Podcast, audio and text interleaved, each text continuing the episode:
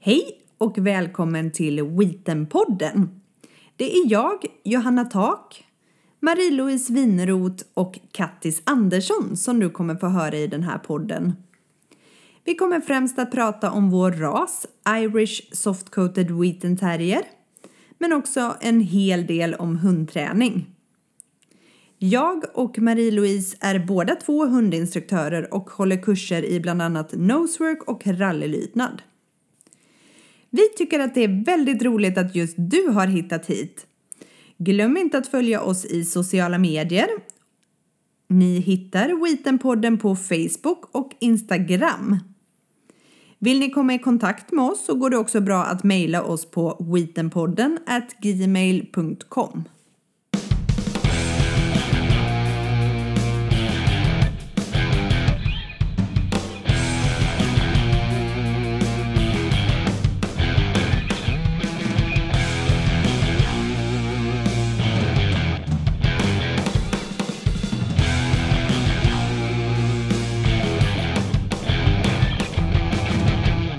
Välkomna till Wheatenpodden nummer 14. Eh, Marie-Louise och Johanna är här såklart. Hej! Hej! Hej! Eh, vi ska idag prata lite grann om hund nummer två, har vi kallat det, omplacering. Jag själv skaffade ju min andra hund när min första hund var 10 år för att hon, jag trodde inte att hon skulle leva så länge till. Och då kände jag så här, jag kan inte vara utan någon utan jag vill ha någon i den här övergångsperioden. Men hon blev ju så mycket piggare när jag skaffade Ebba så hon levde ju tre år till.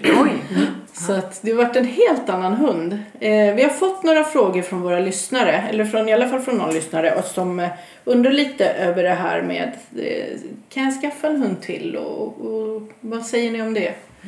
Vad ska jag tänka på? Jag tycker att man bör tänka på att det är lite åldersskillnad eh, mellan hundarna. Eh, jag tycker kanske det ideala är att den hund man har är kanske runt två, kanske till och med tre år. Så att den har liksom landat och ja, men liksom blivit vuxen. Så. Och sen skaffar man en, en hund till. Eh, och det man oftast gör det är ju att skaffa en valp. Så. Eh, ska man då skaffa en, en vuxen hund till, det kan man ju absolut också göra. Men det kan ju vara det är oftast lättare med en valp. Eh, så. Men det funkar ju säkert att skaffa en, en vux, ta in en vuxen hund också. Det är nog inga problem. Men man behöver ju, tycker jag, tänka lite likadant eh, när man skaffar hund nummer två. Att hund nummer ett som man har haft behöver få egen tid. Man behöver också kanske gå in och styra mötet lite eller mötena. Så att de inte får göra upp super, super mycket själva om, med allt. Liksom. Därför att oftast kanske den äldre hunden är lite för snäll. Och den yngre hunden får göra alldeles för mycket och får liksom, ja, ta över lite grann. Eller ta över, det, åh, jag hatar ju det ordet egentligen. Men så att det blir lite för mycket. Men vad tänker ni är den optimala personlighetsmatchningen då liksom? För jag tänker man har ju redan en individ. Jag tycker Och att man ska, ska man försöka... matcha den, liksom? Precis, jag tycker att man ska försöka hitta lite andra energier än det man har liksom. Är man jätte, jättelika så kan det också bli att man triggar varandra i det. Sen får man inte vara för olika heller. Så jag, jag tycker att det är svårt. För det är ju samma sak det här att om man har en, en ras och så, ja men om vi har en wheaten och så ska man skaffa en annan ras. Funkar det, funkar inte det? Och det beror ju också jättemycket på vad det är för raser. För jag vet ju en bekant som, hon hade en, en rottis eh, och så skaffade hon en border collie och hon berättade sen att de hade jättesvårt att liksom leka och så. Därför att border collien ville bara bli jagad eller möjligtvis jaga. Och rottisen ville boxas och buffla och, och brottas. Och det var inte den här border collien ett dugg intresserad av. Mm, Så. så det är både ras och individer då. Mm, och sen kommer man ju till kön då. Ska man skaffa, om man har en hanne, ska man skaffa en hanne till?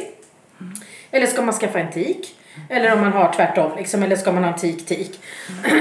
Och det spelar ju lite roll vid löpen och så också då ifall man har tänkt att kastrera någon av dem. Eller... Och det är ju det som tyvärr tycker jag oftast händer. Att har man en hanne sen innan så skaffar man en tik och sen tycker man att ja, men det är ju bara att kastrera hannen. När det blir då för jobbigt med de här löpen. Jag tycker inte att det är fair liksom på något sätt. Att man tar in en annan individ och så ska den andra liksom ja, få stryka på foten på det sättet. så. Utan skaffar man då, har man en hanne eller tvärtom så får man ju någonstans försöka lösa att under löpperioderna då som är två eller ibland om man åkt ut tre gånger per år så måste man lösa situationen. Ja, en del bor ju på övervåningen och den andra bor på nedervåningen. Det är ju lätt om man är två personer i familjen att man delar på sig så då. Men eh, annars får man sätta upp galler. Ja, och sen ska vi så här, nu är det ju så här också, det ska vi ju, det ska vi ju veta alltså eh, driften hos hundarna att föröka sig, det är ju bland de starkaste drifterna vi överhuvudtaget har att göra med. Så att galler och dörrar och lås, det går att forcera om man vill knulla. Punkt. Japp, så är det bara. Eh, Så, så att det är liksom, det Det gäller att tänka till där hur man... riktigt ordentligt. Och sen är det så att det som många då upplever som jobbigt med löp med hanhundar, det får man ju gånger tio hemma med en hund som kanske slutar äta, som kanske blir jättepipig, orolig och då får man också en tik bli lite likadan, att de står och trånar efter varandra. Så. Så det får man ju räkna med då. Sen är det ofta så att hannarna lär sig, ju äldre de blir, att det är ingen idé först det är höglöp och det är oftast ett par dagar. Men det kan man inte lita på att det kommer bli så. Och köper man en tik till då kan det vara att man får löp sex gånger om året istället. De Så brukar blir- synka ihop sig väldigt så? bra. De gör ju som vi människor. Okej. Människor gör ju samma sak. Okej. Bor man flera kvinnor ihop så synkar man ihop. så. Ehm, och det gör oftast eh, tikarna också. Det behöver inte vara så, men de brukar synka ihop lite grann så att det, det ligger lite omlott liksom. Så, så att man får då löp i, i sex veckor istället för tre veckor och sådana saker. Men nej, men det får man ju också räkna med att man får. Hur tänkte du när du skaffade Ebba då med personlighet och gå ihop med din gamla hund och sådär? Ja, för det första ville jag ha en större hund så det var därför jag köpte Ebba. Och när Ebba... Ja, du hade en dvärgsnauzer. Hon var ju lika liten som min dvärgschnauzer var när hon kom. Men sen växte ju hon så mycket. Så att de lekte på sitt sätt. De, de hade väldigt bra kemi ihop. Ebba låg i soffan och låg ner. Och Selma då, dvärgschnauzern, hon stod nedanför soffan och sen lekte de så. Så att de kunde ju liksom inte brottas och leka. Fast båda två tyckte om att brottas och leka och busa och springa där ute så hängde ju aldrig dvärgschnauzern på. Och sen var det ju problem när hon blev gammal. Då fick ju jag, sista året var hon lite skruttigare. Då fick jag bara gå en 10 minuters promenad med henne och sen lämna henne hemma och fortsätta med Ebba. Och det var ingen höjdare. Det fattade ju inte hon varför jag lämnade henne hemma liksom och fortsatte att gå lång promenad med Ebba. Så att det har varit jättetokigt på slutet. Men de är ändå ganska lika i temperamentet. Där kan ju dvärgschnauzer skilja sig mycket också. Men eh, det var ju två tikar. eh, Så att det... det och båda var, blev sen kastrerade. Men det var ju efter att Selma gick bort. Så att det, ja. Men eh, man vet ju inte. Jag, jag ville ju ha en med samma energi som dvärgschnauzern hade. Och det fick jag ju. Så att det liksom, där hade jag jättetur. Så nej, inga problem. Ja, där är ju jag otroligt splittrad och det har ju du och jag Marie-Louise pratat om hundratals gånger. Eh, Jag har ju en individ som är ganska hård eh, och har en ganska komplicerad relation till andra hundar. Även fast det är liksom kompisar hon älskar över allt annat så kommer hon i situationer där hon känner sig trängd och de ryker ihop liksom. Och då är det liksom så här, ja men bästa bästa kompisen. Alltså av den anledningen så får ju hon aldrig leka med andra hundar. Vi kan gå på kopparpromenad och liksom så. Issi har ju aldrig lekt med Shirra och Hedvig till exempel. Det, det finns ju inte liksom. Men hon blir ju otroligt glad när hon ser Shirra och Hedvig och Oh, ja. tvärtom också. Ja. Så att man ser ju att de verkligen gillar varandra och det funkar ju väldigt bra på koppelpromenader. De kan gå väldigt nära liksom Mm. och nosa på varandra men vi släpper dem inte. Nej. Och av den anledningen då när jag vet att, att det går så snabbt att de snurrar ihop sig och någon av dem blir trängda och att de ryker ihop så blir jag ju lite sådär, vi bor i lägenhet. Om det är nu så att jag plockar hem en valp som inte hon riktigt accepterar eh, då har jag inte jättemycket utrymme att kunna liksom hålla dem isär från varandra och lite sådana, ja. Sen är det ju så här, det är ju som jag har sagt att jag tror ju att det där kommer gå alldeles lysande. Men det är ju så här att där måste man ju känna själv. För det är ju så här att liksom oavsett hur stort eller litet man egentligen bor. Jag kan säga att mina två första hundar hade jag, då bodde jag på 25 kvadrat. Så. Eh, och det var min lägenhet så. Och det funkade ju liksom. Jag, där blev det ju så att leka gjorde vi inte inomhus utan det gjorde man utomhus och lite sådana saker. Så att det var Man får ha lite regler där. Men matsituationer och sånt där nu då? För jag kan tänka mig att den här stora hunden gärna vill äta upp valpens mat också. Så att man, Jag tror, ja, eller tvärtom, att valpen är så snabb så den går fram. Ja, och, så, och då jag tycker så ja, där behöver man ju, alltså där behöver man ju bara liksom etablera regler så får man ju vara kvar i rummet medan Mm. hundarna äter. Och äter då inte den vuxna upp och, och så, ja men då får man ju lyfta undan mat liksom. Eh, därför att har man bara en hund så kan man ju låta mat stå och behöver inte bekymra sig då om man har en hund som kanske inte är så matglad. Oftast blir det ju lite mer matglad där hundar därför att det blir konkurrens om maten när de blir två. Men man får ju vara där. Så enkelt är det. Liksom. Att de äter i varsin ände av köket eller om man till och med äter i ett annat rum. Liksom rum. Alltså man sprider ut det. Man måste ju se vad fixar de här hundarna? Fixar de att äta nära? Och jag kan se att mina kan ju stå och äta på nästan samma saker. Det spelar ingen roll. De, de har inte det problemet. Men jag skulle ju aldrig lämna dem med det. Jag skulle aldrig lämna dem med varsitt ben och bara hej då. Nej. Men, Nej, men det kan jag komma ihåg. Jag, jag var ju med på Stora Stockholm med Hedvig och Kirra och gick i rasparaden där med dem. Och det var som skillnad att gå med de två, eh, när de dessutom är två stycken. Annars har jag ju bara Issy att tänka på liksom. Och de var ju totalt obrydda över alla andra hundar runt omkring oss. Och vi stod där ganska länge och väntade innan vi ens fick komma in på scenen liksom. Och det, det var som skillnad att stå och, och, och märka att de här hundarna var så mentalt avslappnade och fine med läget. Hade jag stått där med Issy så hade jag ju fått stå och arbeta med henne hela tiden under den tiden vi stod där liksom. Så att det, det var ju ändå så här fascinerande hur man märker hur relaxed de var liksom. Så. jo, men, Och men, då är de ändå två liksom. jo, det är de ju. Så, de, alltså, på kanske det sättet. därför också de hade, har lite trygghet. Ja, men det, med. det, det, det är med. Men, så. Men, men sen är det ju det att ehm, alltså man behöver ju när man då ska introducera liksom en hund till så behöver man ju vara med tycker jag och styra. Eh, så. Jag, jag tycker inte att det är okej att den äldre hunden får basa runt alldeles för mycket och någonstans tala om för den lilla att du får inte röra dig, du får inte göra det, du får inte göra det. Sen får den absolut säga så här, jag vill inte leka, jag vill inte att du kommer så nära mig i början, helt okej. Men det här att den lilla någonstans ska liksom så här ligga under bordet och den får inte röra sig och titta.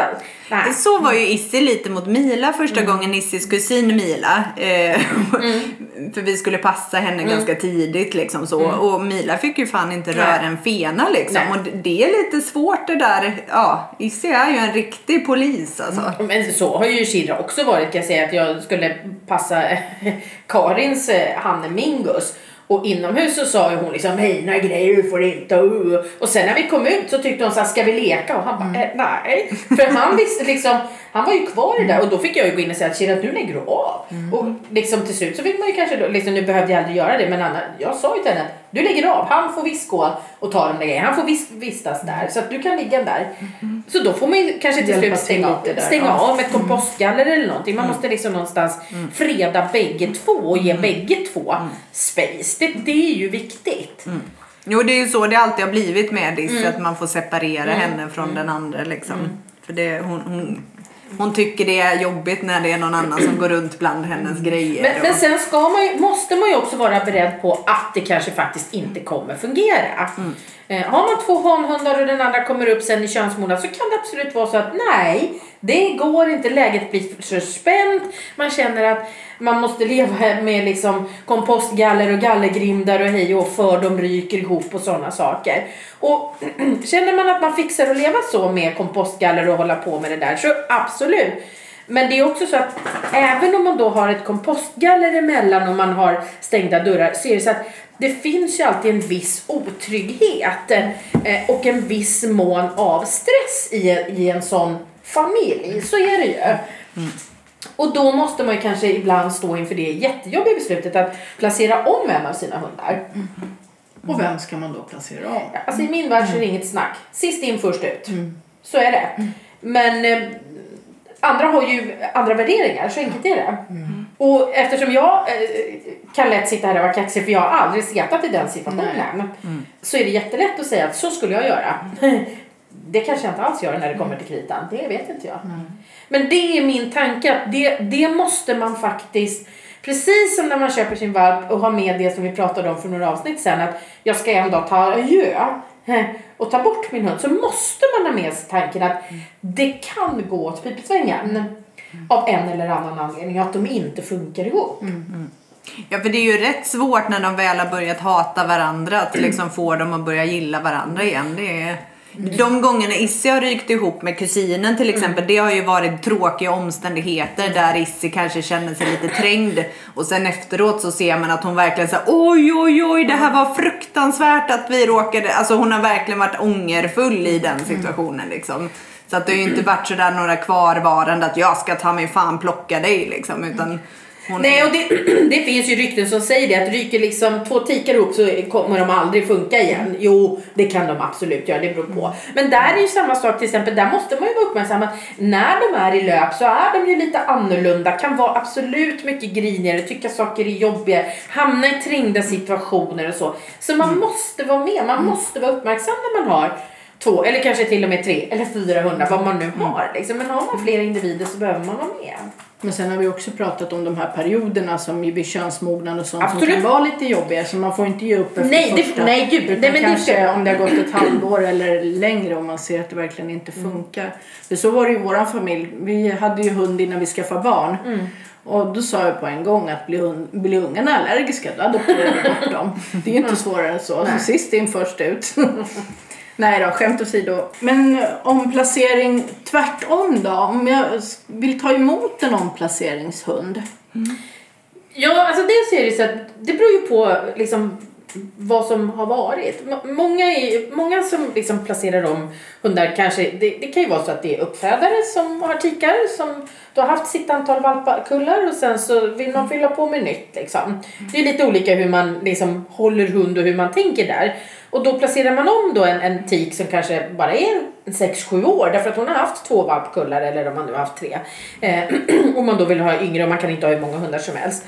Eh, så. så det kan ju vara så. Sen är det ju så att eh, ibland placerar man ju om på grund av att man har hamnat i, i problembeteenden. Eh, och då behöver man ju vara ärlig när man placerar om hunden varför den placeras om. Så. Eh, och sen om man då har en omplaceringshund och sen funderar liksom att det har landat och det är liksom sådär att man vill ha en hund till. Då behöver man ju bara, tycker jag, titta på att liksom, hur funkar min hund? Har den landat här? Jag har tagit en omplacering så kanske jag inte inom ett år ska skaffa en hund till. Utan kanske måste gå två eller tre år. Beroende på varför man nu har tagit emot den här hunden. Eh, och sen får man ju stå då med att ska jag ha en hund, ska jag ha en tik igen liksom och tänka liksom. Då tror jag att det liksom, har man en hund som just har varit omplacerad en eller kanske ibland tyvärr flera gånger. Då behöver man ju verkligen tänka matchning liksom i, i att och ge den här omplaceringshunden mycket tid. Så. Ja, vi tog ju Issy när hon var ett år gammal och det var ju väldigt lockande i och med att dels så hade vi inte riktigt möjlighet att kanske ta en valp Nej. och så, så det finns ju absolut fördelar med det. Absolut. Eh, Men jag kan ju också säga att jag kommer nog aldrig ta en vuxen hund igen utan nästa gång kommer jag vilja ha en valp som jag faktiskt kan forma från första början för att det, det är ju så att man vet ju inte riktigt vad hunden har fått för erfarenheter den tiden man inte har varit tillsammans med hunden. Så. Nej, men, och så är det ju, så att säga. Och då är det ju svårt då, om man nu får lite problem att lista ut varför de där problemen kommer. Liksom. Det är Ja, men- bra att höra sig för också och kolla om det är någon som känner och varför den är omplacerad så att man kanske inte bara hör det från den som vill omplacera utan att man kan luska lite runt om. Och bara varför och vad, vad är det som har hänt och så att man Men, känner- men, menar, och det är svårt. Alltså jag är jättedum i det. För jag kan säga som min andra hund och min katteldog. Hon var ju extremt knepig i många, många situationer. En ot- otroligt reaktiv hund. Och jag kan säga att alltså, det var ju många gånger jag kände så att "Ja, men jag klarar inte det här. Jag klarar inte ut den här hunden. Eh, och liksom ska man omplacera. Jag kände ju bara en sån himla skräck för att i och med att hon var så himla speciell. Att hon skulle hamna hos någon som liksom skulle ta ur henne det här. Att det skulle bli en sån våldsspiral liksom av saker och ting. Och det kände jag ju att jag klarar inte riktigt av. Liksom så. Det hade ju inte behövt bli det. Alltså hon kunde ju ha hamnat på en gård ute på landet och haft det så här handy dandy jättebra. Men för mig blev det så himla stort så att jag beslutade mig sen efter när hon var en sju år att jag tar bort henne. Jag kan inte placera om den här hunden med gott samvete. Liksom. Alltså hon, hon bet ju aldrig någon människa eller någonting. Hon råkade i slagsmål med någon hund och sådär. Men Hon funkade ju med människor, det var inte det.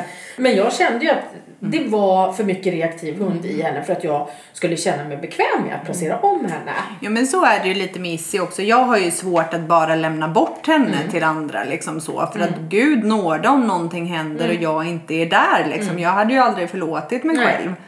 Så. Sen kan man ju säga så att det, och det så var det så att jag hade ju några kompisar som, som kunde ha Kessie. Eh, så.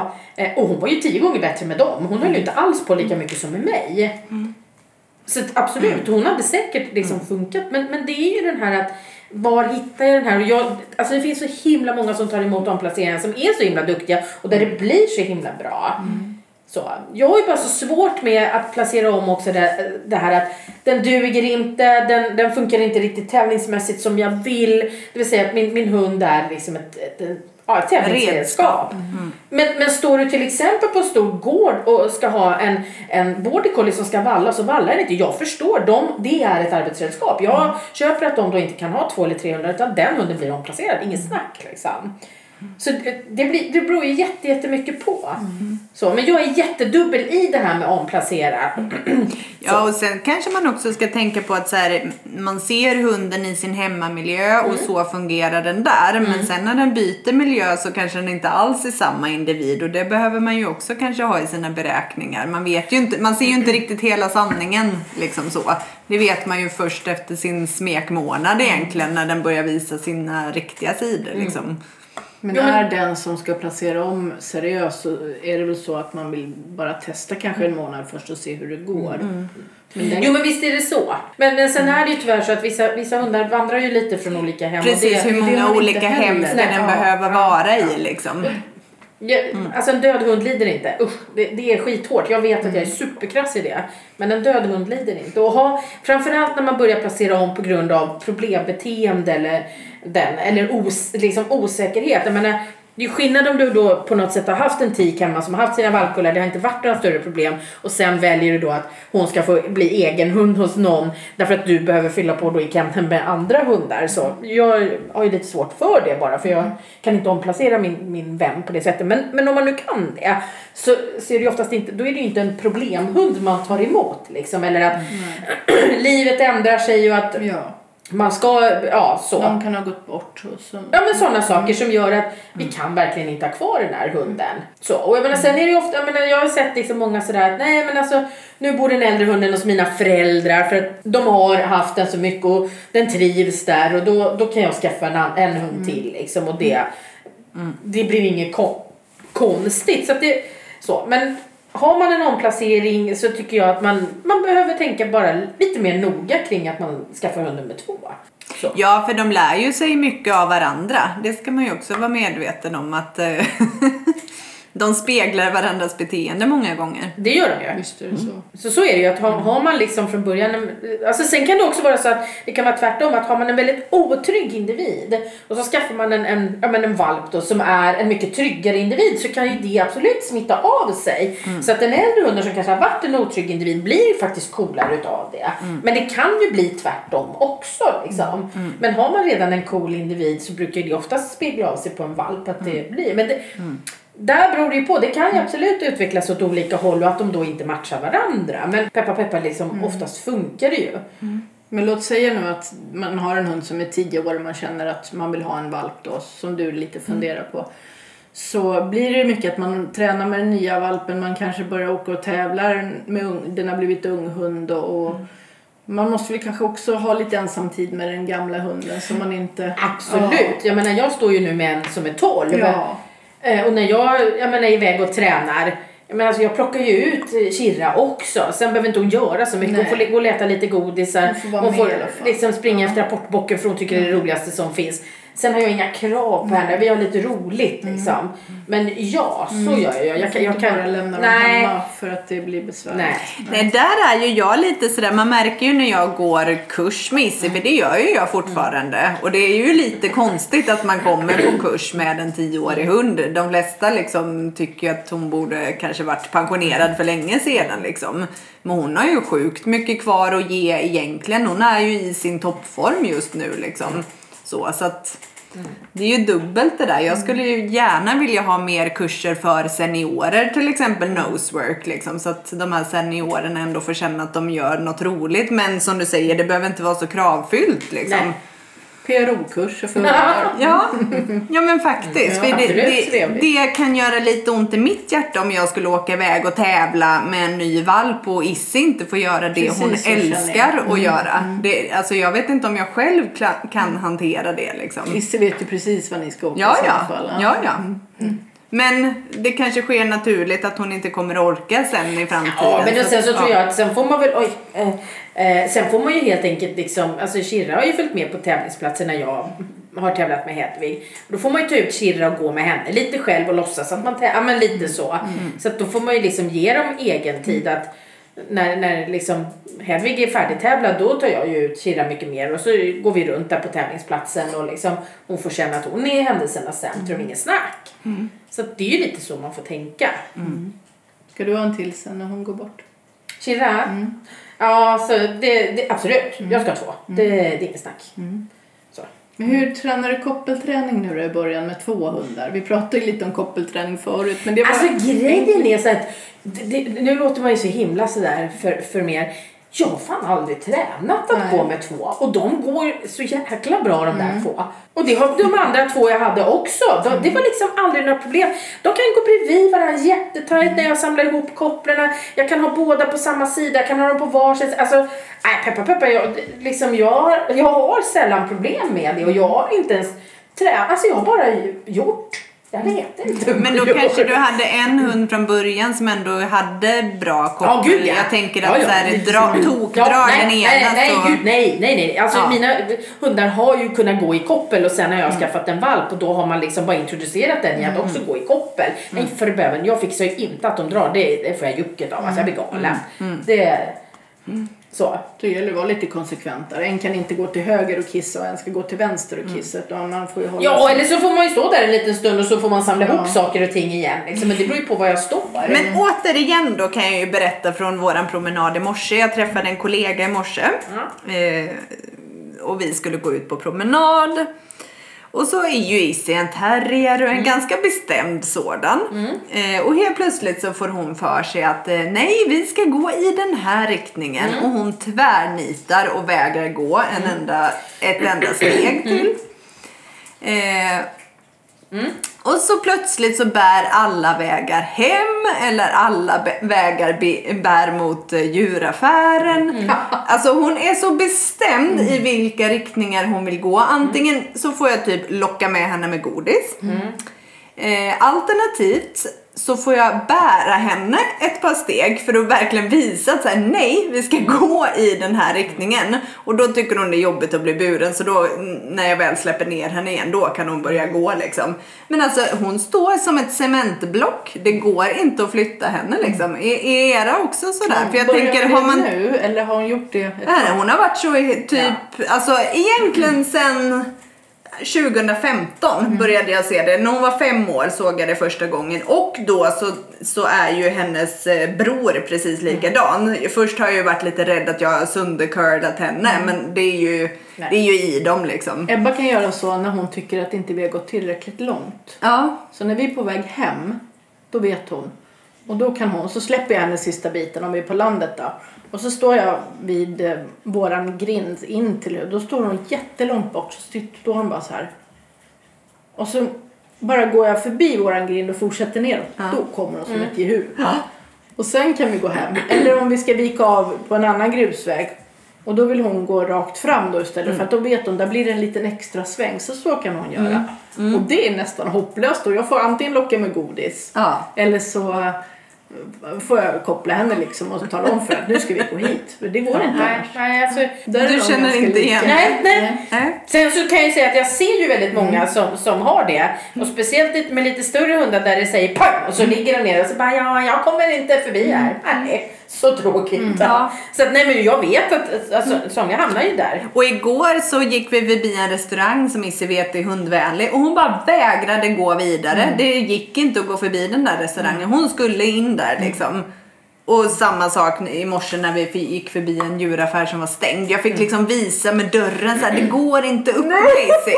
Alltså hon, Alltså det är ju störtskönt. Hon ju- så Och så ska man försöka bestämd. inte skratta då liksom utan vara bestämd. Man skrattar ju bara åt dem alltså. ja, så att jag Ja. tänker två hundar då med den här Ja. extrema bestämda viljan. Jag vet inte om det går att gå ut och gå med de två Om liksom. inte annars kommer Lise lära dig.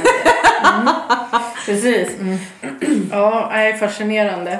Nej, men jag Men liksom... koppel, man, man, eh, det gäller likadant där som när man har en hund. Alltså Ja, man, och, och sen är det ju så att ha, har man en hund som går schysst i koppel så är det ju oftast inget problem. nej. Har man däremot en hund som drar jävligt mycket i kopplet, då är ju mitt tips att innan man skaffar hund nummer två, se till att man inte har det problemet för då har man jättejobbigt. det är ju smart. Alltså så är det. Ja. Sen kan jag ju säga att liksom, ska jag gå på promenad med andra som de här Vitenpromenaderna och sådana, då har jag alltid sele på båda mina för jag blir tokig av att de ska hänga och det ska du vet nej det, det går inte och då drar de mycket mycket mycket mindre liksom.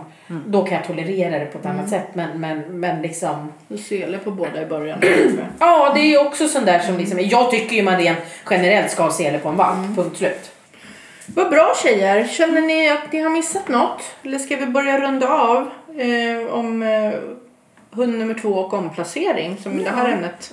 Men eh, då tackar vi så mycket för idag. Ja. Eh, och ser fram emot eh, avsnitt nummer 15 som ska handla lite om hälsokontroller. Om någon är nyfiken får ni gärna lyssna på det. Yes. Ha det Yes. bra! Hej då. Hej då. Hej!